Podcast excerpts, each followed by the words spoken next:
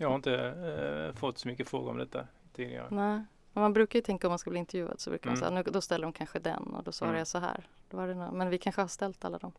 Nej, den svåra frågan är väl varför det är just jag som ska göra det. Det är ju väldigt konstigt.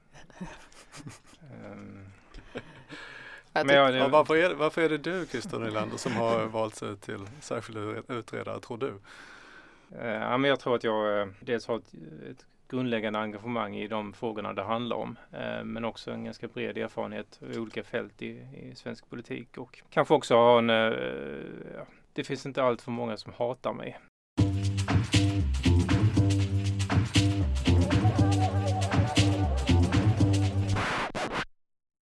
Välkomna till Folkbildningspodden som görs av tankesmedjan Arena Idé. Folkbildningspodden kommer ut varannan onsdag och går att lyssna på där poddar finns. Jag heter Ola Bo Larsson och med mig i studion har jag som vanligt Felicia Hedström som är rektor på Jakobsbergs folkhögskola. Halloj! Hallå! Idag träffar vi två Christer Nylander som är utsedd till ny särskild utredare för Folkbildningsutredningen. Styrning och uppföljning av folkbildningen, vägval inför framtiden. Välkommen hit Christer! Tack så mycket. tycker det är viktigt att säga att du är född 1968 kommer från norra Skåne. Men andra kanske skulle säga då att det är viktigt att säga att du är ordförande för kulturutskottet och sedan 2018 och har varit i riksdagen sedan 2002 för Liberalerna. Men du ställer inte upp för omval Nej. i höst. Varför inte det? Det är dags för mig att göra någonting annat. kommer att göra något annat eftersom du kommer att vara särskild utredare för den här utredningen. Jag tänkte vi ska komma tillbaka till dig mer senare. Men om vi, vi bara tar det här med utredningen först.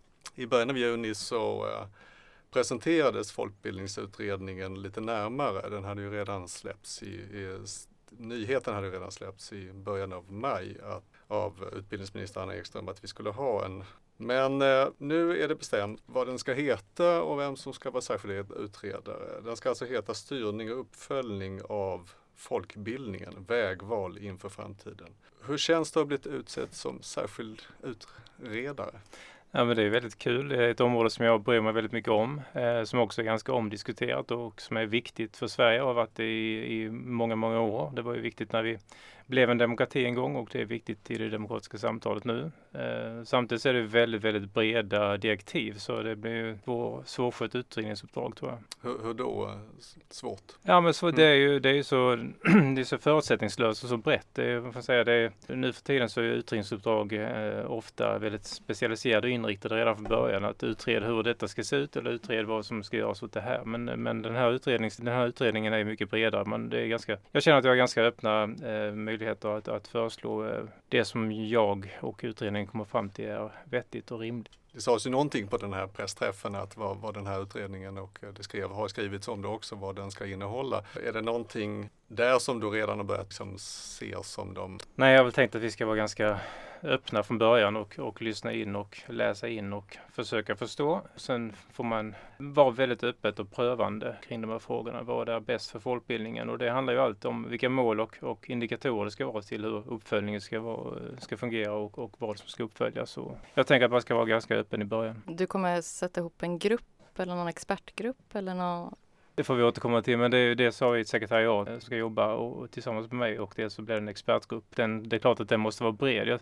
jag slås ibland av att många dömer folkbildningen efter det de själva känner till och det är ofta en ganska smal del av folkbildningen. Men här är ju alltifrån folkhögskolor som har eh, eh, väldigt skiftande uppdrag till studieförbund som också har väldigt bred, eh, brett utbud. Det gäller väl att fånga upp hela det där, men också ha en kompetens kring ekonomi, juridik, uppföljning och, och mycket annat. Finns det några ramar för, hur, för vilka du kan, hur många du kan ta hjälp av? Eller? Det vet jag faktiskt inte än. Eh, Det, vi har bara precis börjat skrapa på detta så att vi ska ju hålla på rätt länge så att det, det, är ju, Mm. det finns ju förutsättningar. Det är många som hör av sig och, och, och eh, eh, vill ge sina bilder av det hela och det, det tycker jag är väldigt kul. Har det börjat redan alltså? Absolut. Ja. Det tog inte många minuter. Ja, vi ska försöka hålla oss från det här Mm. idag då. Men, eh, men när exakt ska den vara klar? Det är februari 2024 så det är gott om tid att påverka och gott om tid att fundera. När börjar du? Har du börjat? Jag har formellt börjat eh, i samband med regeringen fattade beslutet om att det skulle tillsättas och att jag skulle utses. Så började jag fundera såklart. Och läsa på, läsa på gamla utredningar som har gjorts på området och, eh, och uh, utvärderingar för Statskontoret och mycket annat. Det finns ju en hel del gjort redan som man, man kan bygga på. Varför tror du att du fick uppdraget? Ja, det får du fråga eh, regeringen och Anna Ekström om. Men det är väl utbildningsutskottet, eller förlåt kulturutskottet och eh, sitter jag nu och tidigare suttit i utbildningsutskottet. Så jag har ju mm, varit nära de här frågorna ganska lång tid och också suttit i en styrelse på en folkhögskola och, och styrelsen för, för vuxenskolan. Så att jag har väl bred erfarenhet eller viss erfarenhet åtminstone och stort intresse för frågorna. Så att det kan väl vara en av anledningarna. Du har, du har suttit i styrelse på folkhögskola och studieförbund. Det är ju en bra grund. Men hur var din väg in i det? Ja, intressant fråga. Jag själv jag, jag har lett lite studiecirklar och sånt där eh, i början på min politiska karriär. Eh, bland annat om EU-kunskap och, och, lite ideologi. Och, men sen blev jag tillfrågad av ordförande i, i, i en av de äldsta folkhögskolorna, Önnestad, om jag ville sitta med i styrelsen. Det är ganska länge sedan men då tyckte de att de behövde någon eh, ja, kompetens från riksdagen eller tänkte att det var, kunde vara nytta gissar jag. Så att då tackade jag ja till det för jag tycker Vad var den svåraste frågan ni fick eh, hantera som styrelse? Det ska jag nog erkänna att det var, var eh, eh renovering av eh, bostäder. Ja, det, det, det, det ärliga svaret ja. Men det, det är också den här avvägningen, eh, hur eh, ska man anpassa sig efter statens eh, uppdrag? Ska man bygga ut svenska för invandrare till exempel för att det är det som staten efterfrågar just nu eller ska man vara försiktig med det? Det har ju kommit i olika faser de där, de där uppdragen. Så de två frågorna ägnade vi rätt mycket tid om. Jag ska säga det, var, det är väldigt mycket förvaltningsfrågor. Har du någon erfarenhet av en tidigare utredning? Ja, men jag har suttit i några stycken i, i marginalen ska jag vilja erkänna. Ehm, den här breda skolkommissionen som var förra mandatperioden satt jag som politisk företrädare. Jag har suttit i eh, studiemedelsutredning eh, som gjordes, som, där huvud, huvud Frågan var hur ser man till så att fler studenter klarar eh, högskolan? Hur ska studiemedlet se ut för att, för att stötta det? Och eh, så har också suttit med i eh, den parlamentariska socialförsäkringsutredningen en liten stund. Vad, vad tycker du kännetecknar en god utredning? Eh, nyfikenhet, men det förutsätter på något sätt att man har möjlighet att vara nyfiken. Det är inte alltid man har det.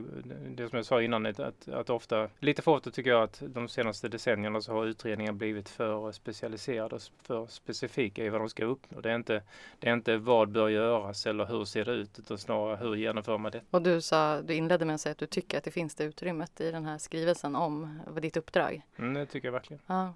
För den, den, jag tycker att den pendlar lite mellan båda. Mm. Att man har vissa områden och sen ganska slutna eller som man tänker att man har en viss väg och så är det, det är många delar i den. Ja, men man öppnar ju både för att ändra eh, till myndighetsstruktur och att ha kvar självförvaltning till exempel. Och det får man ändå säga att det är ganska brett. Det skulle kunna vara så att man säger att det ska välja det ena eller det andra. Och beroende på vilken av de vägarna man väljer så är det många andra frågor som, som blir följdfrågor som man också får fundera kring. Hur, hur sker uppföljning i, i de olika strukturerna till exempel. Mm. Är det några andra insikter du har med dig in i den här utredningen som du känner att det här ska vi inte göra om eller det här ska, det här ska jag göra. Har du några sådana erfarenheter? Som... Ja men det svåra är väl när man har så här lång tid också är väl en svår fråga. När ska man stänga olika dörrar? Hur länge ska man hålla möjligheter öppna eh, och hur lång tid behöver man för att gräva ner sig i det, i det spåret man till sist väljer? Det är ju en rätt svår avvägning där eh, som jag tänker att man man måste fundera på redan i början. Jag tänkte bara med de där äh, mejlen som du fått, mm. om du skulle göra en snabb analys. Vad, vad vill de i mejlen, de som har folkbildarna som har mejlat dig? Ja, jag tror det finns en, äh, en förståelse för att regeringen tillsätter den här utredningen med den bakgrunden som har funnits med diskussioner kring, kring att pengar inte går att användas till rätt saker till exempel. Att, att man förstår att regeringen tar det här initiativet men också en rädsla för vad det kan innebära för att man är, de, de flesta som har av sig är väl, värnar väl, väl självständigheten och den traditionen som finns på folkbildningsområde om självstyrelse. Alltså. Men sen finns det också andra som tycker att man borde lägga ner all folkbildning som också har av sig. Jag tänkte på rubriken. Eh, det står vägval inför framtiden. Det låter ju lite halvdramatiskt som att man har att nu måste vi välja här och då är, mm. funderar, har, har, du funderat på, på det ordvalet eller på de alternativ som kan då finnas? Eh, på, på just ordet har jag funderat ganska mycket. Jag skrev en roman som heter Vägval för ett år sedan som, som handlar om politik. Men, så jag tycker det är, ett, det är ett intressant ord av det skälet också. Men, men, eh, ja, men det finns ju ett antal rätt svåra frågor att hantera. Inte bara det här hur det ska styras utan också hur hanterar man digitaliseringen? Jag tänker att framförallt studiecirkeln handlar ju mycket om att, att tänka tillsammans och lära tillsammans och tänka nytt tillsammans ibland också. Och vad finns det för anledning? Vad finns vinsten av att träffas eh, och vad finns vinsten av att vara digital? Det är ju en sådär svår fråga. Eh, en annan fråga som, som jag funderar en hel del på det är avvägningen, hur stora risker kan man ta i, i strävan efter att nå nya grupper? Vi vill ju att fler ska omfattas av folkbildning och fler ska nå folkbildningen. Vi vill ha mer mm, en annorlunda sammansättning av grupper till exempel. Men ju mer man närmar sig grupper som inte normalt sett är med i folkbildningssvängen, desto, desto längre, längre kommer man från sin från komfortzon. Liksom. Man måste chansa lite grann ibland kanske. Och, och, det är ofta där som problem har uppstått, att när man eh, samarbetar med föreningar som man inte har absolut kontroll över. Det är, och, och då kan ju en reaktion på vad det är att ta hem allting. Det är ju vill man ha fullständig kontroll så är det bättre att ha alla studiecirklar på ABF på Sveavägen i Stockholm för då kan man kolla vilka som kommer och vilka som går. Men, men det är inte så vi vill ha det. Vi vill ju nå nya människor i hela landet och i förort och, och i, i city och på landsbygd och så vidare. Så att, då kanske man inte har egna strukturer för, eh, för det där och då, då är frågan hur eh, når man nya grupper utan att riskera eh, att, ha ordning och reda på papperna. Så det finns verkligen en hel del svåra frågor. Avvägning mellan kvalitet och kvantitet. Eh, ska man nå så många som möjligt eller ska man försöka kvalitet i de mötena man har till exempel? Det, det, en hel del vägval som, som måste ske. Ja, den tänker jag var en av de svåra kanske också, alltså inte inom det är en sak om kvalitet och kvantitet om hur, hur många man når inom studiecirklar och så, men de ville ju också att du skulle kolla på hur man över tid kan utvärdera mm. folkbildningen. Och då vill man ju oftast, tänker jag, åt kvantitet, alltså att man, och inte kvalitativa bedömningar, för de är svårare. Har du redan någon plan hur du ska ta dig an den svåra? Nej, det har jag inte.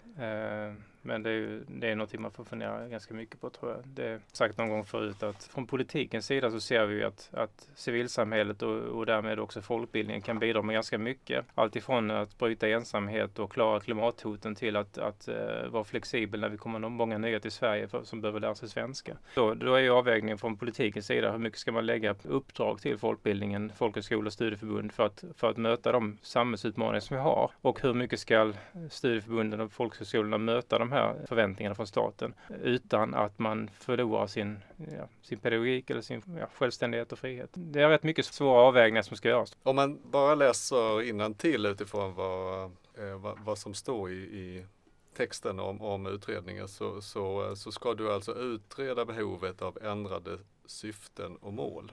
Så då utgår man ändå från att, att det ska finnas ett syfte. Ja. Att det ska ändras. Utreda behovet av att ändra men eh, Ja, just det. Och det hänger ihop med uppföljningsbarheten till exempel.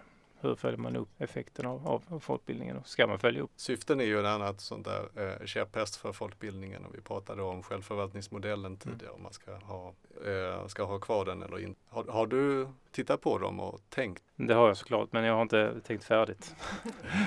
men det, man kan också man kan dela upp det där. Man kan ju ha ett syfte med folkbildning och ett annat syfte med statsbidrag till folkbildningen. Det behöver inte vara tvunget att vara samma sak. Det, det kan finnas någonting som folkbildningen som självständighet tänker att man har som mål. Det kan finnas en annan sak som staten vill ha ut av sina pengar. Det är inte säkert att det behöver, behöver vara exakt samma.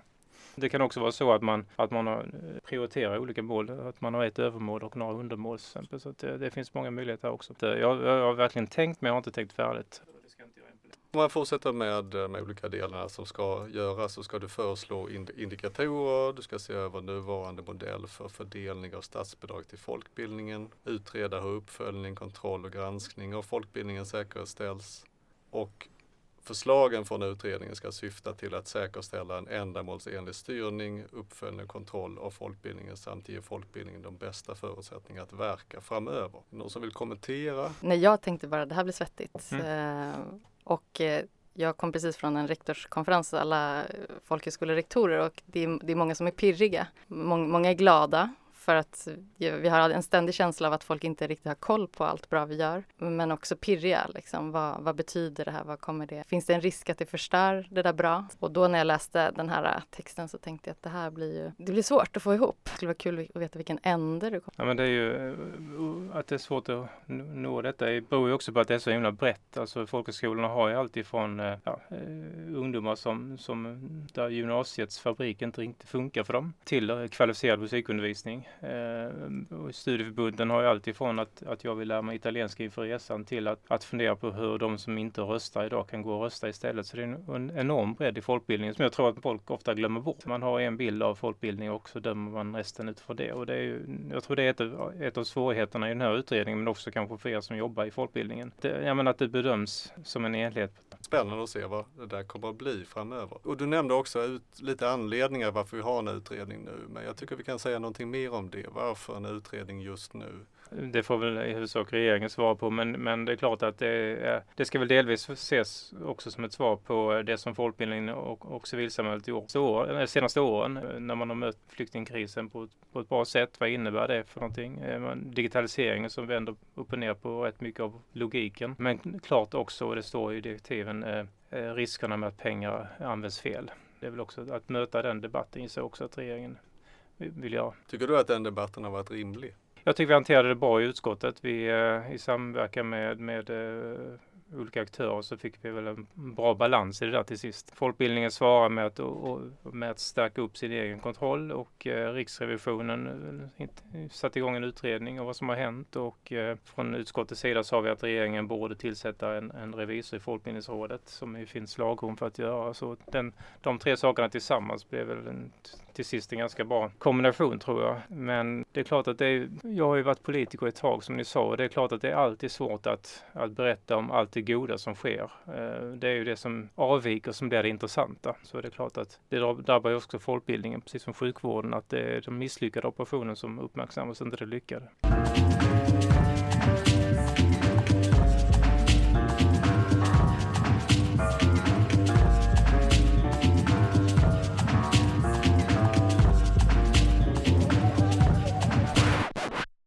kanske kan återkomma till det, men jag tänkte bara om vi om din bakgrund när det gäller folkbildningen så har vi fått höra lite grann om, om din historia. Och jag nämnde också att du har suttit i riksdagen sedan 2002. Och du har ju varit, du nämnde själv då utbildning och kultur, men du har ju varit i många utskott och arbetsmarknadsutskott, näringsutskott, justitieutskott. Och finans. Och finansutskott. Du växte upp, du, eftersom jag antar att du växte upp i Kristianstad eftersom du har sån mm. dialekt tänker jag. Så vad gjorde du efter, jag vet att du har pluggat statsvetenskap, men vad gjorde du sen då? Vad har du gjort innan du var, och vi pratar om perioden innan innan du var i riksdagen? Jag är uppvuxen i Norra Åsum som ligger eh, några kilometer utanför Kristianstad. En ort som ligger väldigt nära ett regemente. Jag spelade fotboll. Jag är en introvert människa som sällan pratar med mig själv helst.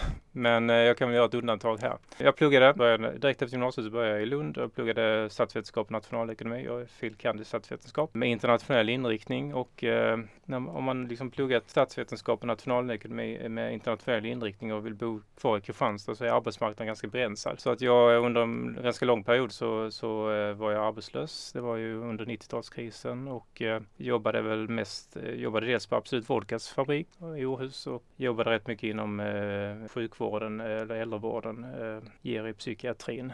Väldigt lärorikt. Sen brevbärare, eh, sophantering, mycket annat. Men sen startade jag eget företag och, och hade väl delvis då studiecirklar i EU-kunskap eftersom det var en av mina eh, kunskaper från universitetet. Så jag använde de kunskaperna till att skapa ett företag om, som gav utbildningar i EU-kunskap och sånt där. Och sen eh, har jag jobbat lite grann inom politiken och sen blev jag invald i riksdagen. Det gick snabbt det där sista. Ja, körde, vad sa du, du körde, eller, tänker, gick arbetslös lite så och sen kom jag in i riksdagen. när, när blev du politiskt ja, det intresserad? måste kanske ha varit lite längre än... Eh, ja, men jag, på gymnasiet så var jag väldigt engagerad i politik. Eh, men då var jag anarkist eh, och eh, framförallt influerad av Tolstoj. Jag hade en fantastisk eh, skolbibliotekarie som, som hjälpte mig att hitta litteratur. Jag läste rätt mycket om allt ifrån eh, Kropotkin och Bakunin till eh, Emma Goldman och eh, Tolstoj. Men sen så småningom så insåg jag väl att, och det var kanske när jag pluggade statsvetenskap, att om man inte har någon stat så är det de svaga som förlorar. Därför funkar inte anarkismen för mig längre och anarkism plus stat så blir man liberal.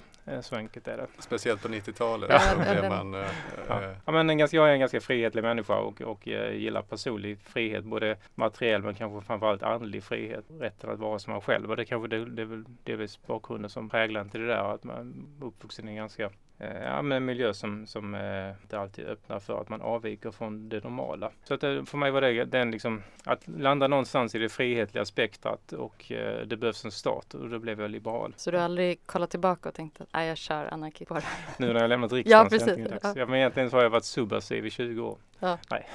Nej men det där, det där, jag, det där tror jag, alltså jag, mycket av de värderingar man har i gymnasieåldern är ju de som man har kvar också i grunden när man blir lite äldre. Bara det att man, man blir kanske klokare eller tråkigare eller mer realistisk kanske. Mm. Men, men i grunden så är jag ju lite så här, jag är väldigt frihetlig av mig och, och inte minst när det gäller, jag gillar inte att någon annan bestämmer vad jag ska göra. Men jag fattar också att det behövs struktur och det behövs stat och det behövs ett våldsmonopol. Annars så kommer de starka och elaka att slå ner oss som är små, svaga och snälla.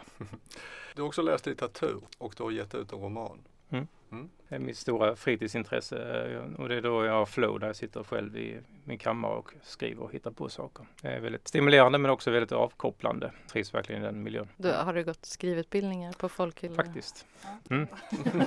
Folkuniversitet. Ja. Jag tänkte att vi kan stanna till lite grann vid att på med kultur eller åtminstone och kulturpolitik också. Det finns ju likheter mellan kulturens område och folkbildningens område tänker jag.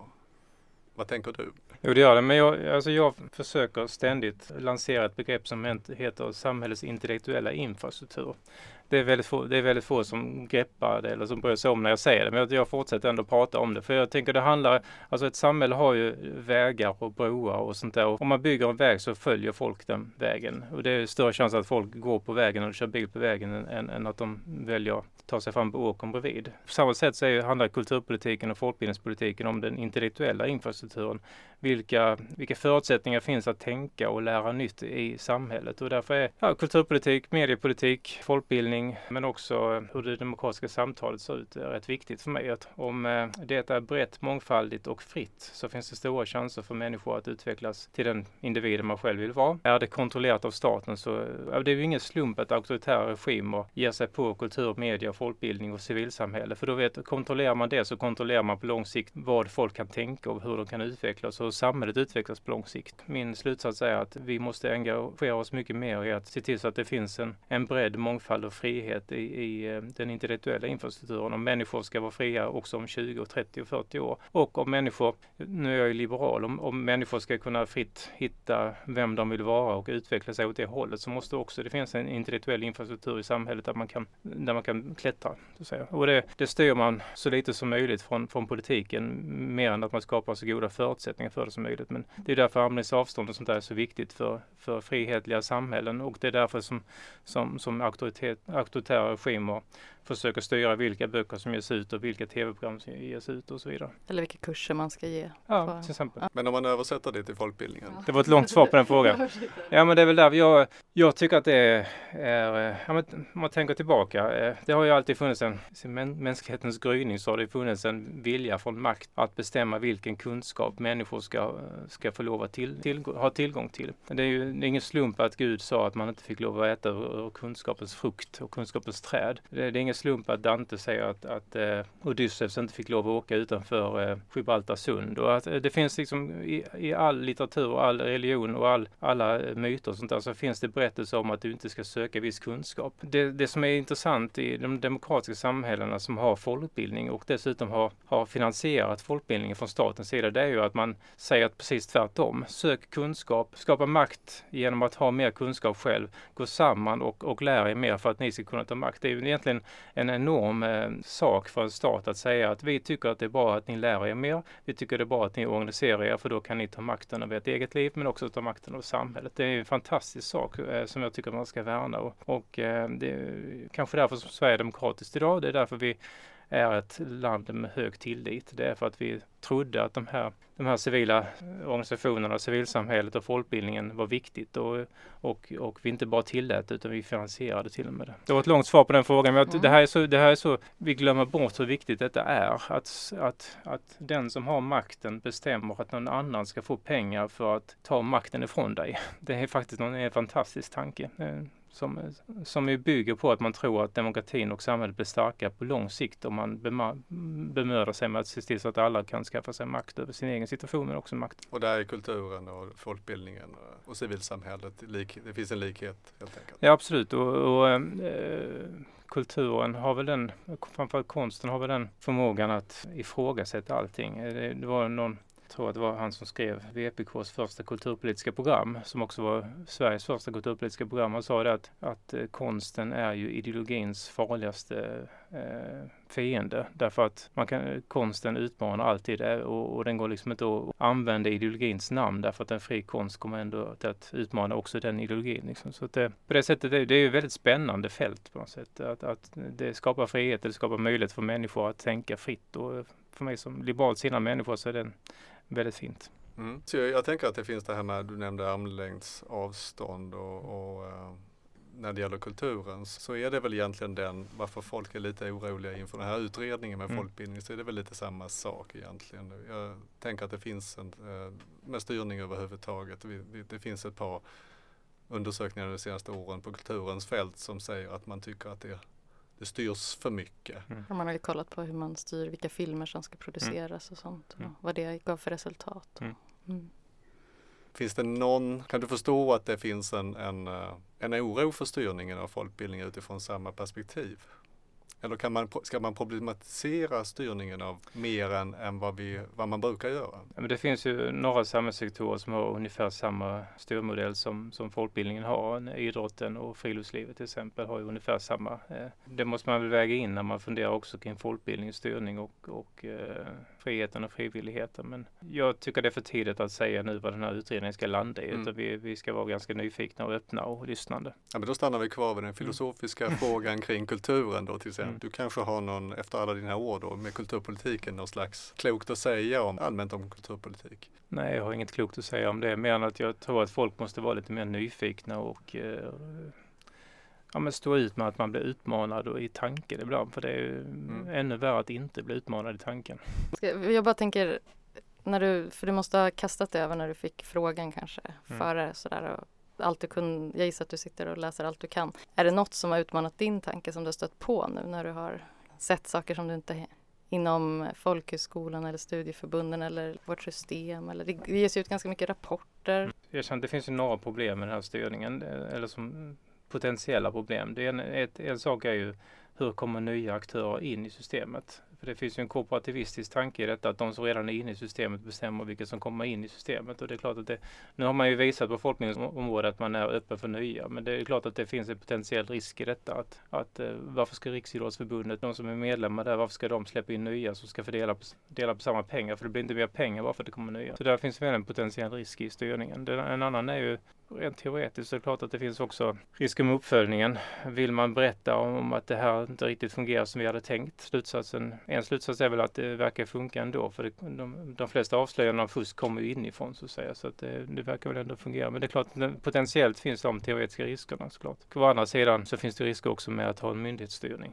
En tanke att ungefär som man brukar prata om i klimatkrisen och så, där man pratar om en tipping point så tänker jag lite sådär, när, när eh, finns det en, en tipping point för styrningen av kulturen, folkbildningen, när man på något sätt inte, när, när den här som du pratar så fint om och också, eh, jag hörde dig prata i en riksdagsdebatt om egen kraften, egenvärdet som, som idrotten har eller som folkbildningen har, att den försvinner. Ja men det är väl den här sektorn som alla andra är, är väl påverkad av eh, de senaste decenniernas eh, New Public Management, att utvärdering och eh, att kunna visa att man bidrar med någonting. Eh, men det finns ju också ett väldigt legitimt eh, förväntan från, från skattebetalarna att deras pengar används på rätt sätt. Och det är ju helt oacceptabelt om pengar går till sånt som det inte ska gå till eh, alltifrån brottslighet till, till fusk så att säga. Det, det är ju inte acceptabelt och den svåra frågan är hur, hur, hur ska man se till så att det inte sker utan att bli ett övervakningssamhälle? För det finns ju alltid risker och det finns ju fusk också inom andra sektorer som med, med skattepengar som inte är heller okej. Okay. Jag har tänkt lite där i jämförelse med idrotten för den har lite begränsade kunskaper där så det kanske är eh, att jag har fel här men jag tror inte att självförvaltningsmodellen är ifrågasatt där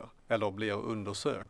Eh, jag, jag, tror också att det är felaktigheter, eller man läser om det lite då och då inom idrottsrörelsen så, som, som inträffar. Så jag, vad säger du om det? Är folkbildningen orättvist behandlad? Um, det är möjligt att den är det. Uh, det vet jag inte. Eh, men det, det, finns ju en diskussion också i idrottsrörelsen. Hur intern fördelningspolitik har ju varit i, eh, under diskussion senaste tiden när fotbollsförbundet tyckte att de blev, eh, blev, fick för lite pengar i, i förhållande till sin storlek. Så, att säga. så det finns ju, och det har funnits en diskussion om, om Friskis och Svettis och andra ska få lov att ta sig in i det här systemet och hur ska man hantera e-sport och, och andra som ligger på gränsen eh, och som gärna vill in i detta. Och det, så den diskussionen finns också i idrottsrörelsen. Men om man omformulerar så kan man säga, för att jag skulle säga det som ett konstaterande att folkbildningen har varit mer på agendan mm. eh, senaste tiden.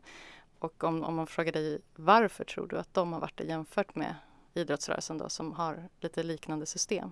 Ja, det, man får, det får man bara gissa kring men det finns väl Ja men det finns väl en folklighet i idrotten. Eh, dels kända människor som gör framgångsrika stavhopp, föräldrar som lämnar sina barn på träningar eh, och, och kanske inte finns inom folkbildningen. Det, eh, folkbildningen kanske inte är lika berätt, duktiga på att berätta om sina framgångar. Till exempel eh, alltifrån skickliga musiker som har sin, sin framgång att tacka i eh, folkhögskolelärare eh, till, till eh, svenska från dag ett eller som jag vet att ett par studieförbund jobbar rätt mycket med att se till så att människor med intellektuell funktionsnedsättning går och röstar till exempel. En fantastisk verksamhet som, som kanske inte uppmärksammas i en bred allmänhet på samma sätt som när vi tar EM-guld i damfotboll. Jag vet inte, men det, det, det ska vara så. Hakar i lite hur vi pratar inom folkbildningen. Hur får vi ut det här? Mm. Hur kan vi att ha en stavhoppare som hoppar riktigt högt, det, det, slår mycket. Ja, men det finns en tredje sektor också, friluftslivet, eh, som stöds på ungefär samma sätt. Men det finns inte heller några hjältar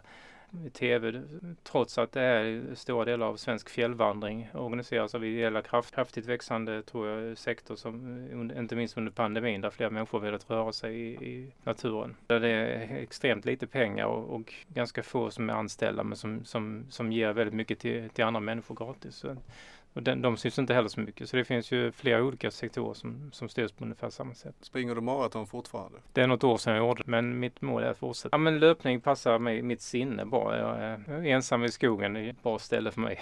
Och att kunna knyta på sig skorna när det passar mig eh, istället för att gå i, på någon lagidrott. Jag är i och för sig gammal fotbollsspelare och hockeyspelare men, men det här passar mig väldigt bra. Sen är det klart också en utmaning att klara de där fyra milen. Svårt att få ihop ditt, eh, dina många år i riksdagen, politiska engagemang med den här bilden som du beskriver av dig själv som ganska introvert, gillar att vara själv, skriva. Alltså, eh, hur, hur har du stått ut med all den sociala interaktionen? Man får ju välja. Nej, men det är, det är väl också så att alla människor ju, har ju olika roller. Man går in i en roll när man ställer sig på scen eller i talarstolen. Och, och... Det låter väl perfekt att vara maratonlöpare när man ska göra en sån här utredning, mm. tänker jag. Mm. Ja, den är lång. Ja. Det är två år, va? Ja men en svår sak är ju att om man ska göra någonting över tid så måste man ibland ha motstånd. Alltså ska man, ska man skapa ett demokratiskt sam samhälle och ett fungerande samtal så, så måste man ibland också ha debatt och eh, kritik. Eh, och det kan ju vara så att det är mötet med en icke-demokrat som gör att jag blir engagerad demokrat. Och är det då rimligt att, att liksom använda statsfinansierad verksamhet till att låta en icke-demokrat tala? Eh, risken finns att de vänder alla så att alla andra också blir icke-demokrater men det finns också en möjlighet att de gör alla andra till engagerade demokrater. Så att det finns, det, det är en, eh, ja, men det här med folkbildning är väldigt, väldigt svårt. Ja men ska vi eh, avsluta så? Tycker jag. Okej, okay. tack för att du kom hit Christer Nylander. Tack så mycket. Tack. tack. Stort tack.